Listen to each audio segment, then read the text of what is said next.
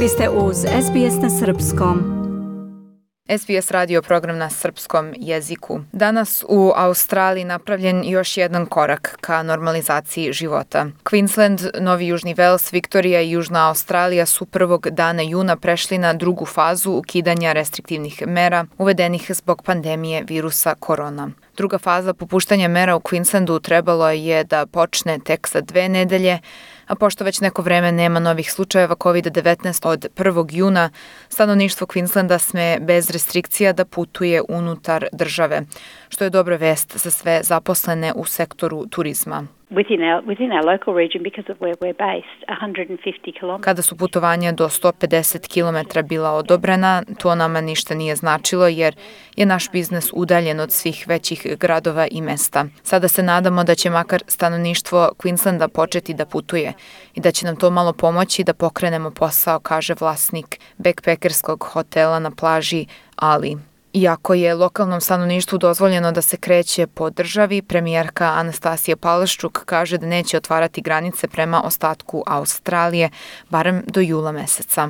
There's no better time Nikada nije bila bolja prilika da sednete u kola i da se provozate po Queenslandu, rekla je premijerka istakla da je ovo prilika da stanovništvo Queenslanda podrži svoju državu, da ode u one delove gde do sada nikada nisu bili. Pubovi, klubovi, restorani i kafići u Queenslandu od danas mogu da prime do 20 mušterija. U Novom Južnom Velsu slična situacija. Dozvoljeno su sva putovanja unutar države, a prema informacijama sa web Stranice državne vlade, granice Novog Južnog Velsa nisu zatvorene. Od danas muzeji i kozmetički saloni opet rade, a do 20 osoba sme da se okupi na venčanju. Nova pravila važe i za verska okupljanja, pošto umesto dosadašnjih 10 službama sme da prisustvuje do 50 ljudi, a isto važi i za sahrane.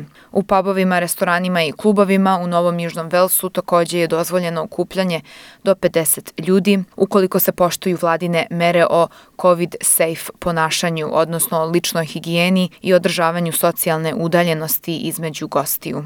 Craig Donarski, direktor Powerhouse muzeja u zapadnom Sidneju, raduje se ponovnom otvaranju ove ustanove. Iako smo uspeli po nešto da obavljamo online, ipak se umetnost mora videti uživo da bi se doživela na pravi način. I dalje ne možemo da otvorimo pozorište, što znači da i dalje neće biti muzičkih nastupa. Mi smo muzej koji neguje mnoge oblike umetnosti, tako da se nećemo u potpunosti vratiti u normalan način rada. Svakako nam je drago da makar galeriju možemo da ponovo otvorimo i primimo ljude u restoran, kaže Donarski. Teretane u Novom Južnom Velsu su međutim i dalje zatvorene. Premijerka Gladys Berejiklian je rekla da ne želi da spekuliše kada će fitness industrija biti ponovo otvorena. We have done Mi sprovodimo taktiku koja ide u korist našoj državi, analiziramo svaku industriju i donosimo pojedinačne odluke. Ne želim da određujem okvirne datume jer će se stvari odvijati naspram informacija i statistika zdravstvene službe. U Viktoriji državne vlasti su produžile vanredno stanje do 21. juna, ali su po neke restrikcije ublažene.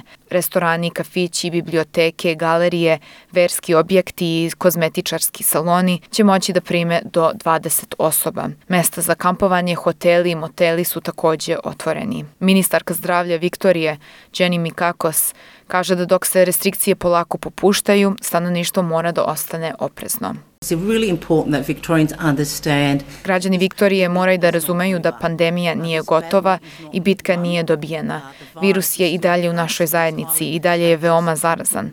Vrlo je važno da situaciju shvatimo kao ozbiljnu i da osiguramo našu bezbednost, rekla je Mikakos. Međutim, u susednoj južnoj Australiji teretane i fitness centri će biti otvoreni, baš kao i pubovi, restorani i bioskopi. Amaterski sportovi bez kontakta će moći da nastave sa takmičenjem, dok ostali sportovi za sada mogu da nastave samo sa treninzima. Broj slučajeva virusa korona opada iz dana u dan, tako da se vlasti Australije nadaju da će države i teritorije preći na treću fazu popuštanja restrikcija u julu. Sve informacije vezane za virus korona možete naći na našoj web stranici sbs.com.au kosacrta Serbian u specijalnoj rubrici Virus korona. Ostanite uz naš program, slede aktuelne vesti iz sveta. Dajte like, podelite, komentarišite. Pratite SBS Serbian Facebook profil.